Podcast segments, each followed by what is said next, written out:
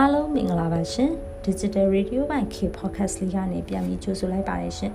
ဒီ podcast လေးမှာဖတ်ပြပေးသွားမယ့်အကြောင်းအရာကတော့ကိုတေစာဆန်းရဲ့ Facebook အကောင့်မှာရေးသားဖော်ပြထားတဲ့1962မျိုးဆက်ကျောင်းသားကောင်းဆောင်ဘဝတသက်တာတော်လှန်ရေးသမား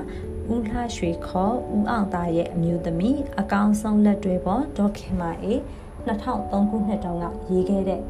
သူတို့မိသားစုဘဝတရုပ်ဖော်ဆောင်းပါးလေးကိုဖတ်ပြပေးတော့မှာဖြစ်ပါတယ်ရှင်ဒီဆောင်းပါးလေးမှာဆိုရင်ဒေါခင်မာအေဟာသူမဘဝမှာဘယ်လိုမျိုးရုန်းကန်ရှင်တန်ခဲ့ရတယ်လဲဆိုတဲ့ဘဝပုံရိပ်တွေကိုရေးသားထားတာပဲဖြစ်ပါတယ်ရှင်အားလုံးပဲခင်းနဲ့အတူဖတ်ကြစို့နော်မိသားစုကျမရဲ့နာမည်ကတော့ဒေါခင်မာအေးဖြစ်ပါတယ်ကျမဟာမြန်မာမျိုးသမီးတဦးပါ ကျမခင်မွန်ကတော့ចောင်းသားကောင်းဆောင်ဟောင်းတူဖြစ်ပါတယ်။နာမည်ကတော့ဦးလှရွှေပါ။ကျမရဲ့ခင်မွန်ဟာယခုအချိန်ထိလည်းနိုင်ငံရေးသမားတူအဖြစ်ရပ်တည်နေစေပါ။လက်ရှိလည်းတရက်မြုပ်အကျဉ်းထောင်မှာနိုင်ငံရေးပုံမှန်နဲ့ထောင်ဒဏ်14နှစ်ကြာခံနေရပါတယ်။ကျမနဲ့ကျမခင်မွန်ဟာရန်ကုန်တက္ကသိုလ်မှာစုံစည်းခဲ့ကြတာပါ။သူကအေယာဝတီမြဝကျွန်းမော်သားဖြစ်ပြီးတော့ဖျာပုံခရိုင်ဘိုးကလေးမြို့ဇာတိဖြစ်ပါတယ်။ကျမကတော့ ညီလက်ပိုင်းမြို့တစ်မြို့ဖြစ်တဲ့တောင်ငူဇာတိပါကျမခင်မုံဦးလှရွှေဟာအထက်တန်းကျောင်းသားဘဝတွေကကျောင်းသားသမဂ္ဂလုပ်ငန်းတွေကျောင်းသားလှုပ်ရှားမှုတွေမှာတက်ကြွစွာပါဝင်လှုပ်ရှားခဲ့သူတဦးဖြစ်ပါတယ်1956မှာ ဘိုးကလေးမြို့နယ်ကျောင်းသားသမဂ္ဂအမှုဆောင်အထွေထွေအတွင်းရေးမှုအဖြစ်ဆောင်ရွက်ခဲ့ပါတယ်1958ခုနှစ်မှာအထက်တန်းကျောင်းပြီးလို့တက္ကသိုလ်ဝင်နှန်းအောင်မြင်တဲ့အခါရန်ကုန်တက္ကသိုလ်မှာဆက်လက်ပညာစီးပူးခဲ့ပါတယ်။တက္ကသိုလ်မှာ၄နှစ်တက်ရောက်ခဲ့ပြီး BA ဝိစာဘွဲကိုအင်္ဂလိပ်မြန်မာသမိုင်းအထူးပြုဘာသာရပ်တွေနဲ့အောင်မြင်ခဲ့ပါတယ်။ကျွန်မကတော့1958ခုနှစ်မှာအထက်တန်းကျောင်းပြီးလို့တက္ကသိုလ်ဝင်တန်းအောင်မြင်ခဲ့သူဖြစ်ပါတယ်။ ကျွန်မကလည်းရန်ကုန်တက္ကသိုလ်မှာပဲဆက်လက်ပညာသင်ယူခဲ့ပါတယ်။ကျွန်မကတော့ BA ဝိစာဘွဲကိုအင်္ဂလိပ်မြန်မာပထဝီဘာသာရပ်တွေနဲ့အောင်မြင်ပွဲရခဲ့ပါတယ်။ကျမကလည်းအထက်တန်းကျောင်းသား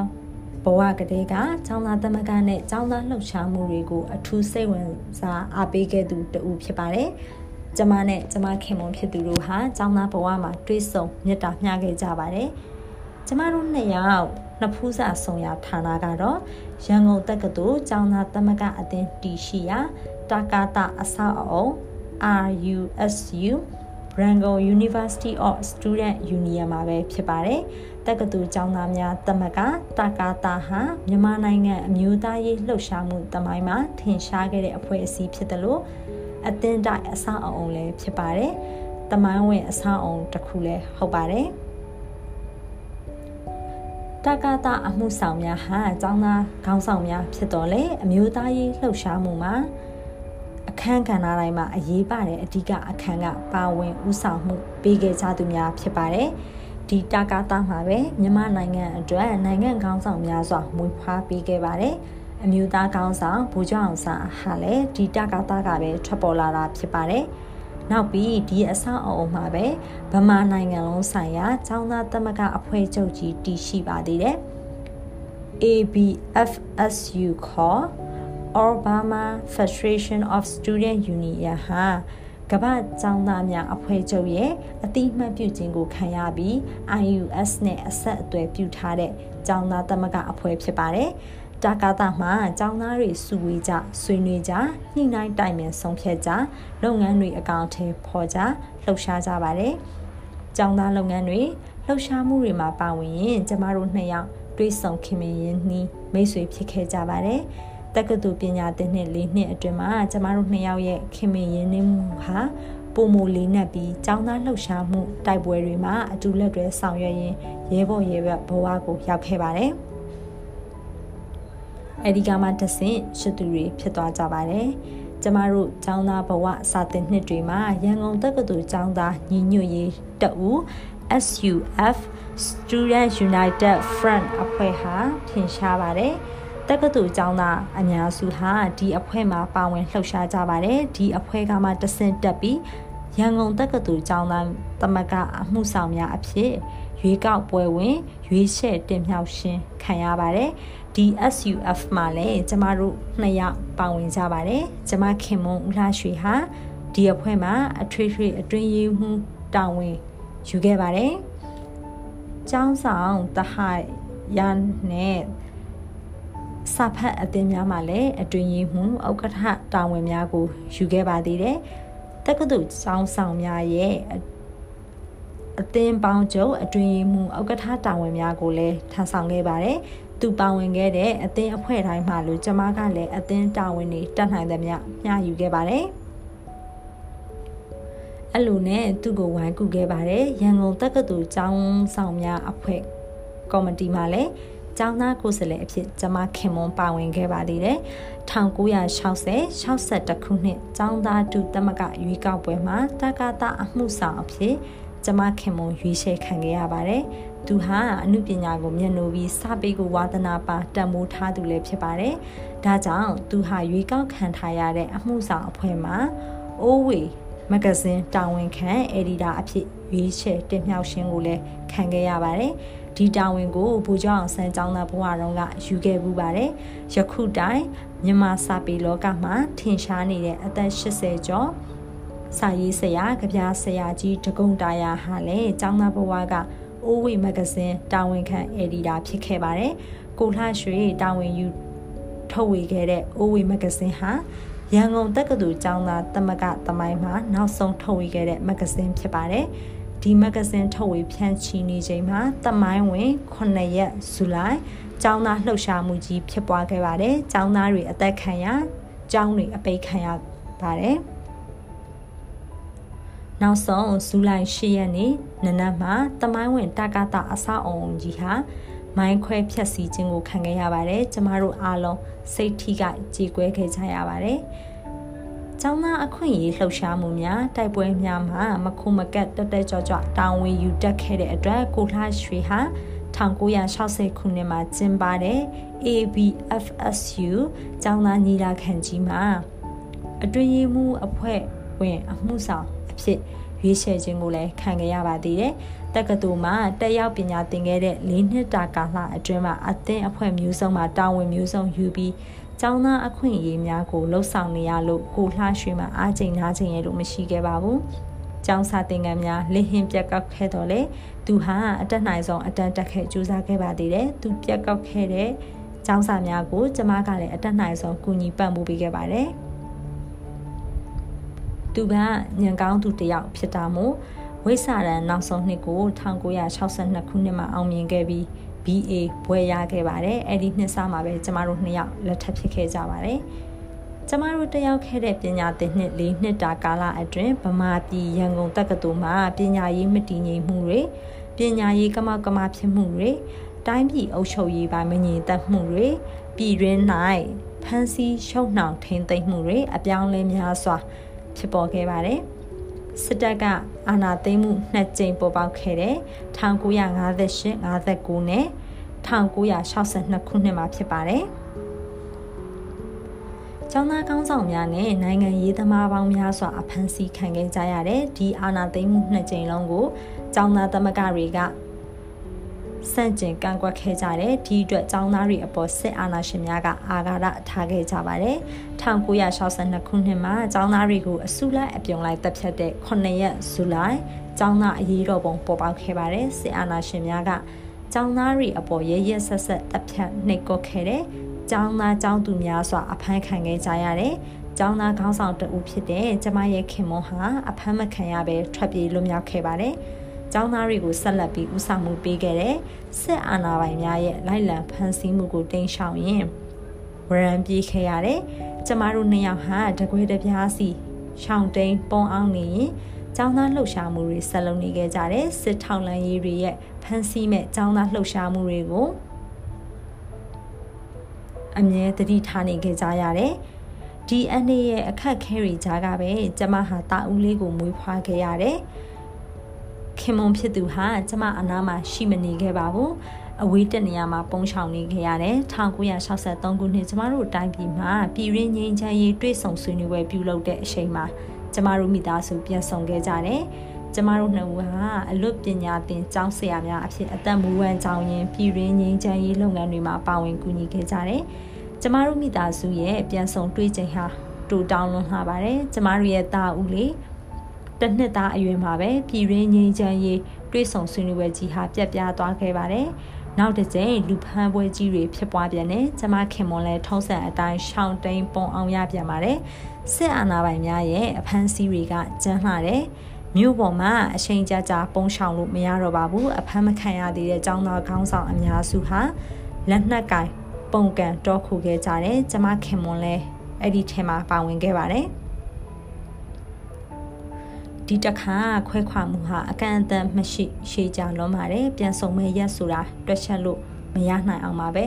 ကျမကတော့ဒုတိယမြောက်သားလေးရဲ့ကိုဝင်ကိုလွယ်ရင်သားဦးလေးနဲ့အတူမြို့ပေါ်မှာကြံရင်ခဲ့ပါတယ်။ကျမဟာကျောင်းဆရာမအဖြစ်ဘဝကိုရက်တည်ရင်1964ခုနှစ်မှာဒုတိယသားလေးကိုမွေးဖွားခဲ့ပြန်တယ်။ကျမတယောက်တည်းသားနှစ်ယောက်နဲ့အခက်အခဲဒုက္ခများစွာရင်ဆိုင်ပြီးဘဝကိုကြမ်းကြမ်းခံရက်တည်နေခဲ့တာဟာသားဦးလေးရှောင်းနှစ် အရွယ်ရောက်ခဲ့တဲ့အထိပါပဲအဲ့ဒီအချိန်1968ခုနှစ်ဇူလိုင်6ရက်နေ့ညမှာစစ်အာဏာပိုင်များရဲ့ဖမ်းဆီးခြင်းကိုကျွန်မခံခဲ့ရပါတယ်။ကျွန်မကိုဖမ်းဆီးခေါ်ဆောင်ချိန်မှာငယ်ရွယ်သေးတဲ့6နှစ်အရွယ်နဲ့4နှစ်အရွယ်ကျွန်မသားလေး2ယောက်ဟာကျွန်မရဲ့လုံချီစားကိုဆွဲပြီးတားကြတယ်။မမေကိုခေါ်မသွားရဘူးလို့ပြောရင်းငိုပြီးကြံ့ရင်ခဲ့ကြရှာတယ်။အဲ့ဒီတော့က ကျမကိုယုံတင်ပြီးအမှုစစ်ဆေးတာမလုပ်ခဲ့ကြဘူး။ရေကြီးအိုင်းဆိုတဲ့စစ်အကျဉ်းစခန်းတစ်ခုမှာ3နှစ်ရှုံနှောင်ထားခဲ့ကြတယ်။ကျမကိုစစ်ကြောရေးစခန်းမှာစစ်ထောက်လှမ်းရေးတွေကရရဆက်ဆက်နှိပ်စက်ခဲ့ကြတယ်။၃ရက်၃ညစက်တိုင်မအေးရပဲထိုင်နေခဲ့ရပါတယ်။ကျိုးနဲ့တုံကျင်စန်းနဲ့တူခဲ့ကြတယ်။မိုင်းမရရရုံရုံမာမာတွေပြောဆိုဆဲရေးခဲ့ကြတယ်။နှိပ်စက်ညင်ပန်းရေးစခန်းဟာ တကယ်ငရေစခန်းလိုပါပဲ။အော်တန်ဟစ်တန်နှိပ်စက်တန်တွေနဲ့ဆူညံနေပါတယ်။အဲ့ဒီအချိန်မှာကျမဟာနာဇီတွေရဲ့အော်စဝစ်အကျဉ်စခန်းကိုသွားပြီးတတိယမိတယ်စာဖန်းစင်ကလေးကကျမကိုကျောင်းဆရာမဘဝကအလုပ်ဖြုတ်ရှင်ကိုခံခဲ့ရပါတယ်1980ခုနှစ်မှာကျမပြန်လည်လွန်မြောက်ခဲ့တဲ့အဲ့ဒီနှစ်ကုန်ပိုင်းမှာပဲကျမရဲ့ခင်မွန်းကိုစစ်စင်ရေးထိုးစစ်တစ်ခုက ဝိုင်းဝန်းဖမ်းဆီးမိပြီးလက်နက်ရှာခဲ့ရပါတယ်ခင်မွန်းဖြစ်သူလပိုင်းလောက်အရှုပ်ခံရပြီး1982ခုနှစ်မှာကျမတို့မိသားစုပြန်ဆောင်ခဲ့ကြရပြန်တယ်သားနှစ်ယောက်ကမူလတန်းကျောင်းတက်နေကြပြီကျမတို့မိသားစုလေးယောက်ဟာအလုတ်ကင်မရှိနဲ့စားဝတ်နေရေးအခက်အခဲဖြစ်နေခဲ့ကြတယ်နောက်ဆုံးတော့ကြက်အကောင်30နဲ့မွေးမြူရေးလုပ်ငန်းကိုစလုပ်ခဲ့ကြတယ်လုပ်ငန်းတစ်ဖြည်းဖြည်းအဆင်ပြေနေချိန်1989ခုနှစ်မှာ တတရမြောက်သမီးကလေးကိုကျမမွေးဖွားခဲ့ပါတယ်ကျမခင်မွန်ဟာတခြားလုံးနိုင်ငံရေးကိုလျှို့ဝှက်လုပ်ကိုင်နေခဲ့တဲ့1982ခုနှစ်မှာစစ်အာဏာပိုင်တွေရဲ့ထပ်မံဖမ်းဆီးခြင်းကိုခံရပြီးအမှုကိုရုံးတင်စစ်ဆေးထောင်ချခံခဲ့ရတယ်။နိုင်ငံရေးပုံမှငါးညနဲ့အင်းစိန်ထောင်မှာပြစ်ဒဏ်နှစ်နှစ်ကြာခံခဲ့ရတယ်။1984ခုနှစ်မှာ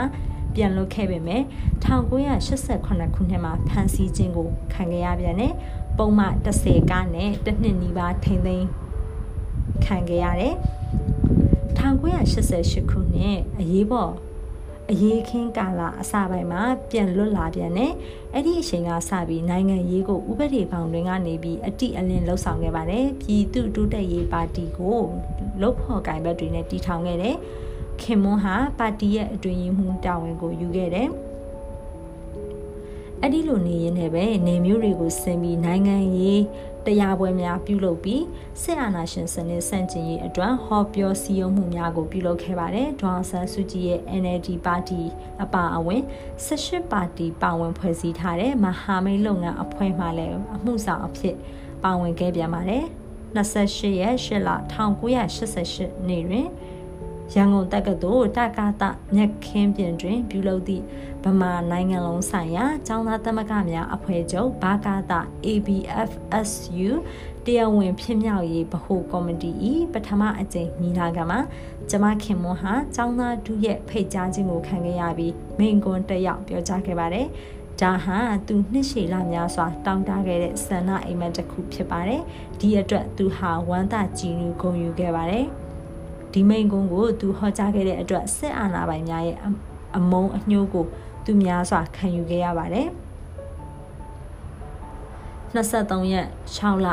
89နေ့မှာ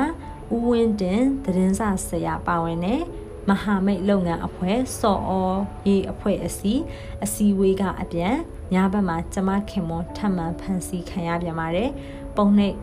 ဥပဒေပုံမှာနိုင်ငံရေးပုံမှာ9ညနဲ့အထူးစစ်ခုံရုံးကထောင်ဒဏ်9နှစ်အပြစ်ပေးခြင်းကိုခံခဲ့ရပါတယ်။အဲဒီထောင်ဒဏ်9နှစ်အတွက်ရန်ကုန်အင်းစိန်ထောင်နဲ့မန္တလေးနန်းတွင်အကျဉ်းထောင်အိုးဖို့အကျဉ်းထောင်တို့မှာနှစ်ပြည့်လျှော့ရမရှိနေခဲ့ရတယ်။အဲ့ဒီနှစ်မှာပဲကျမတို့ရဲ့သားကြီးဆက်အောင်နိုင်ဟာ ကျောင်းသားလှုပ်ရှားမှုနဲ့အဖမ်းခံခဲ့ရပါတယ်။သားအငယ်ဖြစ်တဲ့ဆက်အောင်ခိုင်ကတော့စစ်တပ်ကအာဏာသိမ်းတဲ့ရက်မှာပဲအဖို့ကျောင်းသားများနဲ့အတူထိုင်းနိုင်ငံဘက်ကိုရှောင်တိန်သွားခဲ့ပါတယ်။နေဆက်မှာဖွဲ့စည်းထားတဲ့မြန်မာနိုင်ငံလုံးဆိုင်ရာကျောင်းသားများ Democratic တပ်ဦး ABS DF အဖွဲ့မှတက်ရင်မှုအဖြစ်တာဝန်ယူခဲ့ပါတယ်။ ABSDF All Burma Student Democratic Front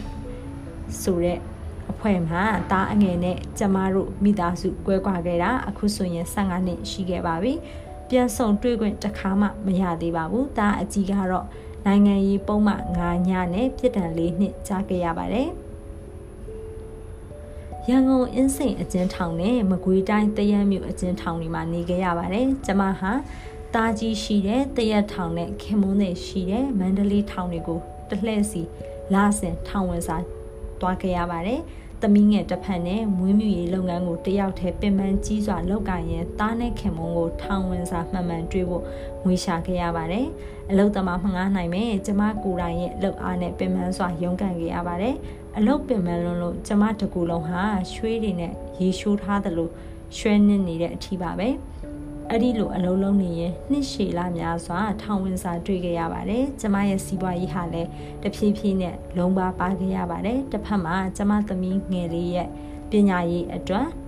ကျမမှာလုံးမရပါသေးတယ်။ဒီကြားထဲနိုင်ငံရေးလှုပ်ရှားမှုများကိုလည်းကျမ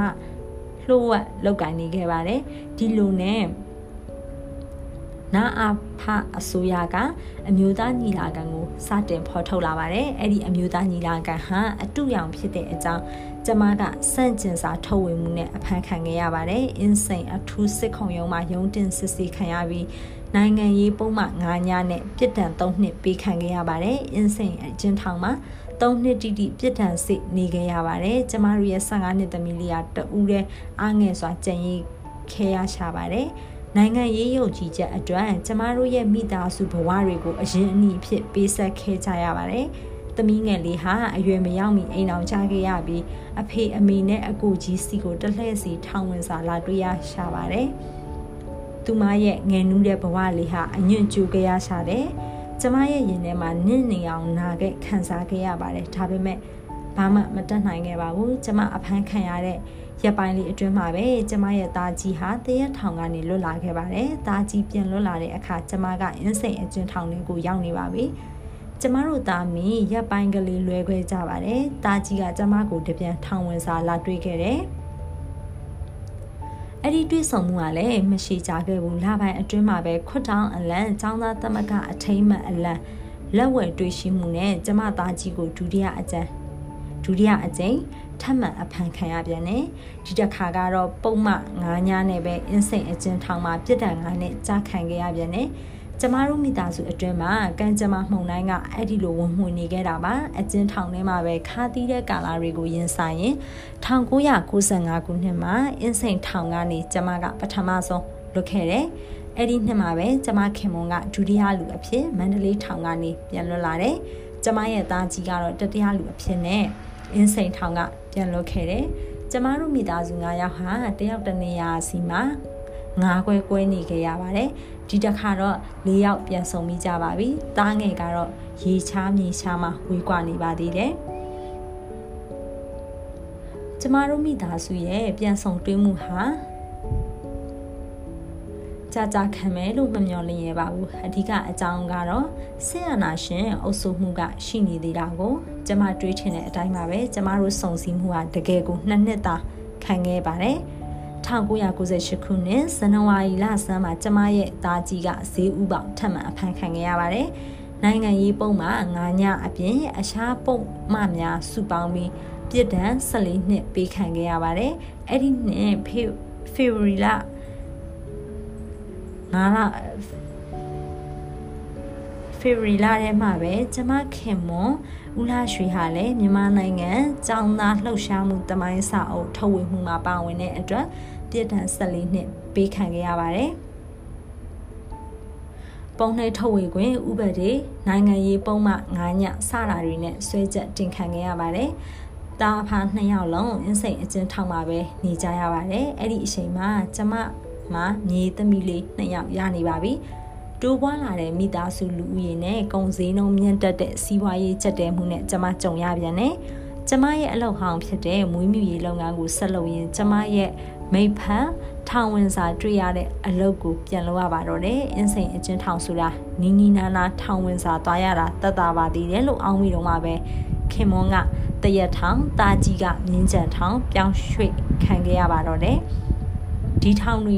ဟာကျမနေတဲ့ရန်ကုန်မြို့နဲ့တနေ့ခရီးလောက်သွားရတဲ့မိုင်ပေါင်းများစွာဝေးတဲ့မြို့တွေမှာရှိတာပါ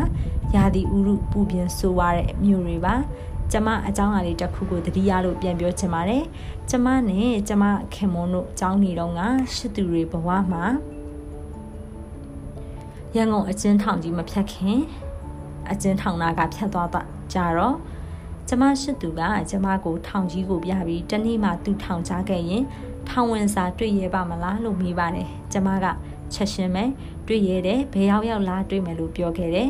အဲ့ဒီစကားကမှန်ခဲ့ပါတယ်အခုကျမမှာထောင်တကာရောက်ဖူးပါပြီကျမသားကြီးကိုလည်းကျမကအားပေးခဲ့တယ်ငါသားမြမပြည်အတွင်းဘဲထောင်ရောက်ရောက်အားမငယ်နဲ့အမေရောက်အောင်လာတွေ့မယ်လက်မှတ်ထိုးအညံ့ခံပြီးဘယ်တော့မှထွက်မလာခင်နဲ့လို့ပြောခဲ့ပါတယ်အခု2003ခုနှစ်ကုန်တော့မှာပါကျမရဲ့ခင်မွန်းနဲ့သားကြီးဟာ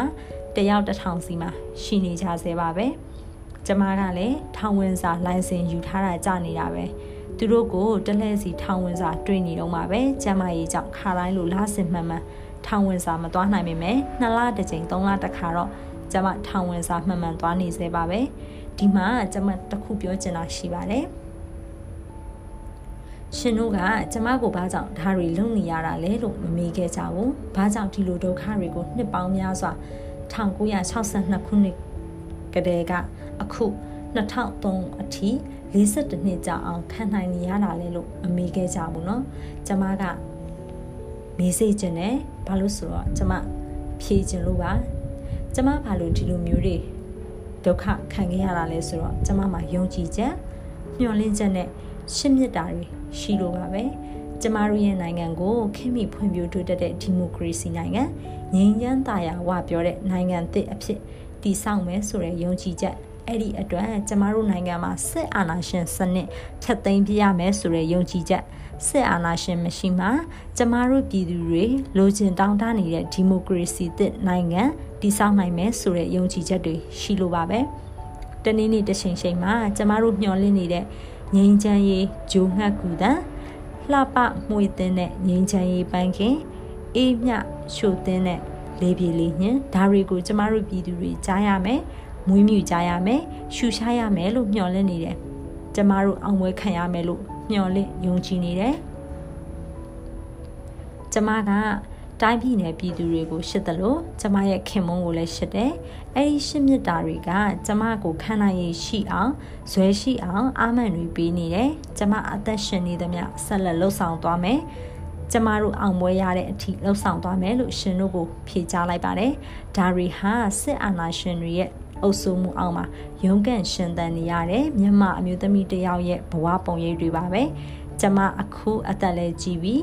65နှစ်ရှိပြီကျမရေးလည်းတိတ်မကောင်းလှပါဘူးဒါပေမဲ့ကျမဘယ်တော့မှဇွဲမလျှော့ဘူးခရီးဆုံးပန်းနိုင်အထိဆက်လက်ရှောက်လန်းသွားမှာပါကဘာပေါ်မှာရှိတဲ့အမျိုးသမီးတိုင်းရဲ့ဘဝ